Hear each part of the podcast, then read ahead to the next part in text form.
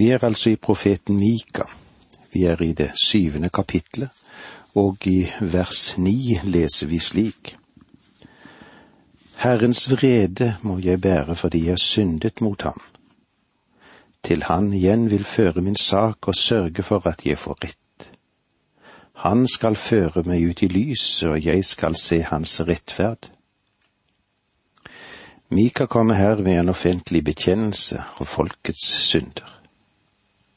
Hvilken tillit denne mannen har. Han overlater seg til å underordne seg Guds vilje. Det burde være den posisjonen hvert Guds barn inntar i denne mørke tid som vi lever i denne verdens historie. Hva burde vi gjøre? Vel, det er én ting som er sikkert. Gud tillater at en hel del ting skjer, men han har fremdeles kontrollen. Derfor burde vi underlegge oss Gud. Vi burde bekjenne våre synder og holde vår konto med Gud i orden og ajourført. Og vi burde være forvisset om at vi har ordnet alle ting i forhold til ham. Det er dette som er det viktigste av alt. Legg merke til at Mika sier Herrens vrede må jeg bære. Hvorfor? Fordi jeg har syndet mot ham. Som et folk har vi syndet. Du har gjort synd, og jeg har gjort synd.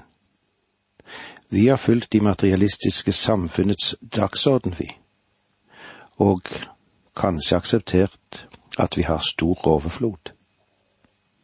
Vi har bare smilt når vi har fått nye avsløringer av manglende integritet i det omfentlige liv, og vi har lukket våre øyne for den grove umoral som øker rundt oss. Er det slik? Det skulle vel også være tid for oss til å bekjenne vår synd. Til han igjen vil føre min sak og sørge for at jeg får rett. Gud vil bruke Syria som sin stav for å tukte sine barn, men etterpå vil han reise dem opp og føre dem ut i lyset. Da skal de få se hans rettferd. De vil innse at Gud var rettferdig da han tuktet dem. Vers 10 Mine fiender skal se det og rødme av skam, de som sa til meg, Hvor er Herren din Gud? Jeg skal følge dem med øynene når de tråkkes ned som avfall i gaten. Gud vil til sist triumfere. Men det tragiske er at på grunn av sin synd må folket dømmes. Deres fiende stiller spørsmålet. Dere skrøt av at dere tjente Gud, men hvor er Han? Hvorfor hjelper Han dere ikke? Hvorfor frir Han dere ikke ut? Dere har sagt at Han ville det. Vel, fienden kunne ikke se Guds rettferdighet. Han så ikke at Gud arbeidet med sitt folk på en rettferdig måte ved å dømme det etter at Gud hadde gjenopprettet sitt folk, så ville han tukte de folkeslag som misbrukte dem og forsøkte å utslette dem. Da er det de så det som vi leste, tråkkes ned som avfall i gatene. Siden det syriske fangenskapet lå i det nære fremtid for Israels folk, så blir fienden tolket som Assyria. men de to etterfølgende versene de antyder at en senere endelig fiende også hører med inn i dette bildet. Mika har forutsagt ødeleggelsen av Israels fiende, og han taler nå om Israels gjenopprettelse. Israel som nasjon blir sammenlignet med en vingård flere steder i Skriften. Og du skal òg legge merke til at det står slik i Jesaja sin sang om vingården i Jesaja 5.1-7. Og de murene Mika taler om, er de murene som finnes rundt en vingård. Vers 11. En dag skal dine murer bygges opp og dine grenser vides ut. Tidlig i sin historie ble israelsfolket drevet av Gud til Egypt for å bli et folk. Deretter hegnet Gud om dem i det landet han hadde tiltenkt dem. Han ga de lover, og han gjorde dem til et spesielt folk, og bevarte dem fra å bli assimilert som folk. Men så, på grunn av deres synd, drev Gud dem til Asyria og Babylon i fangenskap. De hadde en tjeneste i verden både da og eh, når de var samlet som nasjon, og likeledes da de ble spredt over hele verden. Vers tolv Den dagen skal de komme til deg fra Assur og Egypterland, fra Egypt til Eufrat, fra hav til hav, fra fjell til fjell. Som vi har sett i kapittel fire, skal alle folk komme til Sion under tusenårsriket. Selv deres tidligere fiende Asyria. Mange folk drar av sted og sier Kom, la oss gå opp til Herrens fjell, til Jakobs hus, så han kan lære oss sine veier, og vi kan ferdes på hans stier, for Herrens lov skal gå ut fra Sion, Herrens ord fra Jerusalem. Slik står det i Mika 4,2. Men eh, Mika, han minner de om at før denne velsignede tiden, så ligger Herrens tukt foran dem. Vers 13 kapittel 7. Da skal jorden legge søde på grunn av dem som bor på den, og det som de har gjort. Her ser du at land og folk er knyttet meget nær hverandre. Dette landet var ikke alltid så preget av ørken som det delvis er i dag. Når Herrens velsignelse kommer over folket, vil det også bety noe for landet, det. Men dit har vi ikke ennå nådd. I vers 14 så kommer vi til en avsluttende bønn. Nå anbefaler Mika på en vidunderlig måte sitt folks hyrdes omsorg. Vi leser det fjortende verset i kapittel syv. Vokt ditt folk med din stav, flokken som er din eiendom, som ligger alene i skogen med fruktbare marker omkring. La dem få beite i Basan og Gilead, som de gjorde i gamle dager. Vokt ditt folk med din stav, flokken som er din eiendom, i Mika 6,9 var staven dommerens stav, eller dommens stav. Her er den trøstens stav. Din kjepp og din stav, de trøster meg, står det i Salme 23,4. Og jeg tror at det er ganske enkelt bli henvist til hyrdens stav, som kunne brukes på to måter. Den kunne brukes for å beskytte og hjelpe fårene og den kunne også brukes til å disiplinere fårene. Vokt ditt folk med din stav.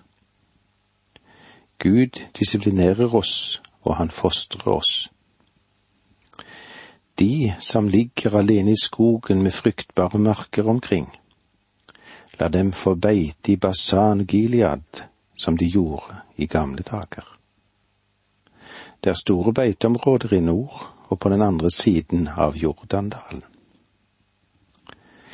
Mika har kommet til Gud i ydmykhet og med syndsbekjennelse, der han bekjenner sine synder og folkets synder. Profeten identifiserte seg alltid med det folk de tilhørte, også når det gjaldt deres synd.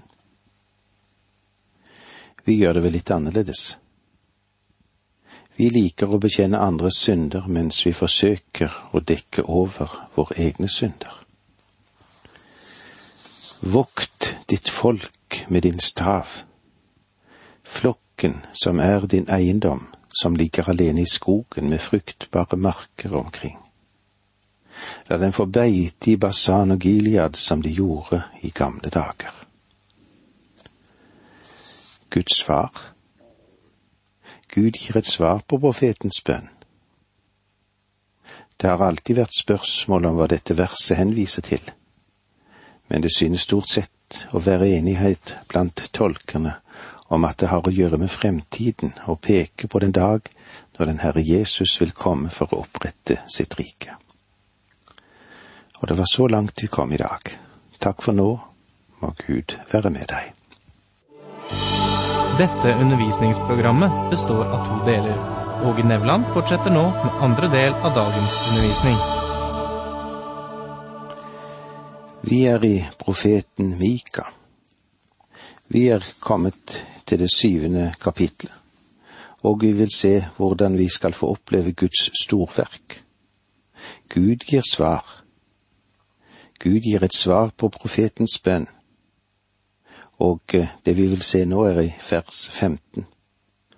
La oss få oppleve storverk som da du dro ut av Egypt. Gud førte Israel ut av Egypt gjennom et under. Men han førte dem ikke ut av Babylon ved et under. Det er ingen undergjerninger som ble nevnt i forbindelse med det, selv om det å vende tilbake til landet var en vidunderlig ting. Det var ufrielsen fra Egypt som var mirakuløs. Og Gud sier her at det vil være modellen for den dagen når han igjen fører de inn i landet. Vi har ikke sett noe lignende gjennom den tilbakevendingen som har foregått så langt. Derfor bør vi være oppmerksomme på at Gud ennå ikke fullt og helt har fullbyrdet denne profetien. Folkene skal se det og skamme seg, enda så mektige de er. De må legge hånden på munnen og stå med døve ører, står det i det sekstende verset. Når Gud igjen begynner å føre dem tilbake til landet, da skal verden stå der i undring, på samme måte som folkene rundt dem gjorde da miraklet med uttoget i Egypt skjedde. Du husker sikkert skjøgen Rahabs bekjennelse.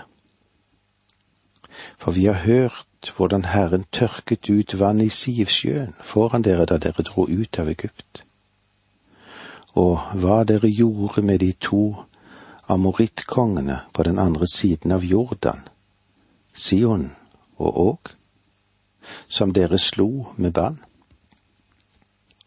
Da vi hørte om det, ble vi helt motløse og nå er det ingen som våger å møte dere. For Herren deres Gud er Gud både oppe i himmelen og her nede på jorden. Slik står det i Josva. Ordet hadde spredd seg om hvordan Gud hadde tatt hånd om sitt folk. I vers 17 leser vi slik. La dem slikke støv som ormen, lik dyr som kryper på jorden. Fra sine skjul skal de komme skjelvende frem for Herren vår Gud. La dem gripes av redsel og frykte for deg. Dette henviser til det gudløse folkeslag som har forsøkt å knuse Israel. På den dagen, når han kommer for å utfri sitt folk, skal de komme skjelvende frem for Herren vår Gud. La dem gripes av redsel og frykte for deg.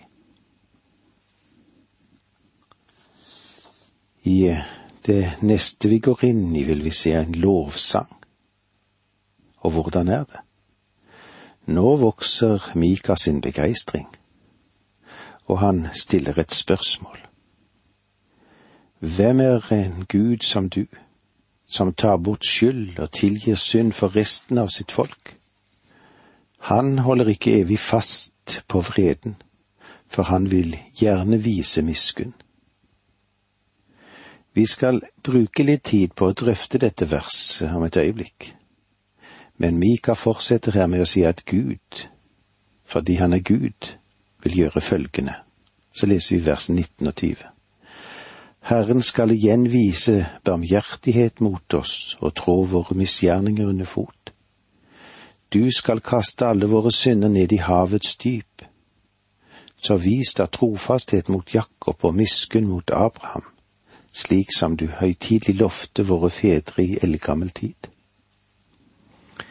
Israels synd drev dem ut av landet for en tid, men Gud vil bekrefte sine løfter på tross av deres synd. Deres synd setter ikke en strek over Guds løfter. Og Guds bot med dette folket er noe mer enn at et Guds barn skulle miste sin frelse fordi en synder. Guds barnes synd kan føre til tukt om han ikke bekjenner og får tingene ordnet opp. Men vil du komme tilbake til Gud, så vil Gud være nådig, og han vil tilgi deg, tilgi deg. Den fortapte sønn fikk ikke bank når han kom hjem til sin far, men han fikk bank da han var i landet langt der borte. Og du kan være helt sikker på én ting. Guds barn vil aldri komme noen vei med synd. Det ser vi om igjen og om igjen i Bibelen. La oss nå komme tilbake igjen til dette vidunderlige verset som vi har foran oss her. Hvem er en Gud som du? La meg overraske deg med å si, det er noe som Gud ikke har sett, men som du ser hver dag. Kanskje du ikke visste at du kan se noe som Gud ikke har kunnet se, men det er sant nok. Kanskje det kan være å virke litt respektløst å si dette. Det kan kanskje virke noe utillatelig eller litt snedig. Det kan til og med virke noe sleivet eller overmodig. Men jeg vil gjerne si at dette er et seriøst og alvorlig tema med et høyst teologisk og skriftmessig svar. Profeten stiller her et grunnleggende spørsmål. Hvem er en Gud som du? Og det krever et vurderende svar, det. Selve spørsmålets karakter antyder et svar til, en, til et uløselig tema. Dette er ikke første gangen et slikt spørsmål blir stilt i Bibelen. Det ble stilt i den vidunderlige sangen om Israel, den som de sang etter at de hadde krysset Rødehavet, og som vi finner i annen Mosebok i det femtende kapitlet vers elleve. Hvem er som du blant gudene, Herre? Hvem er som du så herlig og hellig, skremmende i storverk, underfull i gjerning? Folket hadde nettopp kommet fra Egypt, der det var mange guder. Egypt var, for å si det slik, fullpakket med guder. De ti plagene i Egypt var blitt rettet mot forskjellige guder, og det var Guds strategi i det hele. Og så i slutten av de 40 årene i marsjørkenen så sa Moses, Ingen er som Jesurens Gud. Han farer frem over himmelen og kommer deg til hjelp. Han rir på skyene i sin velde, en bolig er den eldgamle Gud. Her nede er hans evige armer. Han drev fienden bort fra deg og sa bare rydd ham ut, som det står i femte Mosebok, kapittel 33. Dette spørsmålet blir også stilt av Salamo i første kongebok 823. Det er ingen Gud som du, verken oppe i himmelen eller her nede på jorden.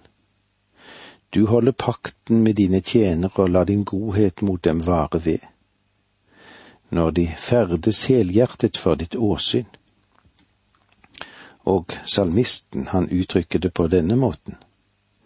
Hvem er som Herren vår Gud, Han som troner i det høye, som skuer ned i det dype, i himmelen og på jorden. Salme 113, 5 og 6.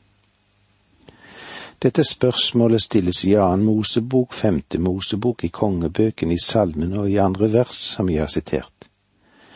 Men la oss nå svare på det. Mitt svar ble antydet ved at jeg sa i begynnelsen. Gud har ikke sett noe som du ser hver dag. Hva er det Gud ikke har sett? Gud har ikke sett sin like. Hvem er en Gud som du? Gud har aldri sett sin like, men du og jeg, vi ser våre likemenn hver dag, vi. Når eh, vi har lært vår lekse, ser vi at Gud kommer oss til hjelp. Han kommer til oss med sitt lys og med sin velsignelse. De som hatet oss og sa at han hadde forlatt oss, de vil bli nødt til å erkjenne at han er kommet oss til hjelp. Vær ved godt mot, troende venn. Vent på Gud. Han vil føre deg ut i lyset, han skal la deg se med fryd på hans rettferdighet. Profeten ber så sammen med Israels hyrder om at underet da de dro ut fra Egypt, det måtte gjentas. Han vet at Gud ikke bare vil tilgi dem deres overtredelser og synder, men han vil trå dem under sine føtter. Dette er en forsmak på himmelfarten. Når en stein synker i havets dyp, kan den ikke tas tilbake. Og når synden er tilgitt, kommer aldri Gud til å kalle den tilbake. Efeserbrevet 1, 21-23 Over alle makter og myndigheter, over alt velde og herredømme, over alle navn som kan nevnes, ikke bare i denne verden, men også i den kommende. Alt la han under hans føtter, og ham, hodet over alle ting, har han gitt til kirken, som er Jesu Kristi legeme, fullt av ham som fyller alt i alle. Og med disse ordene sier vi takk for nå, må Gud være med deg.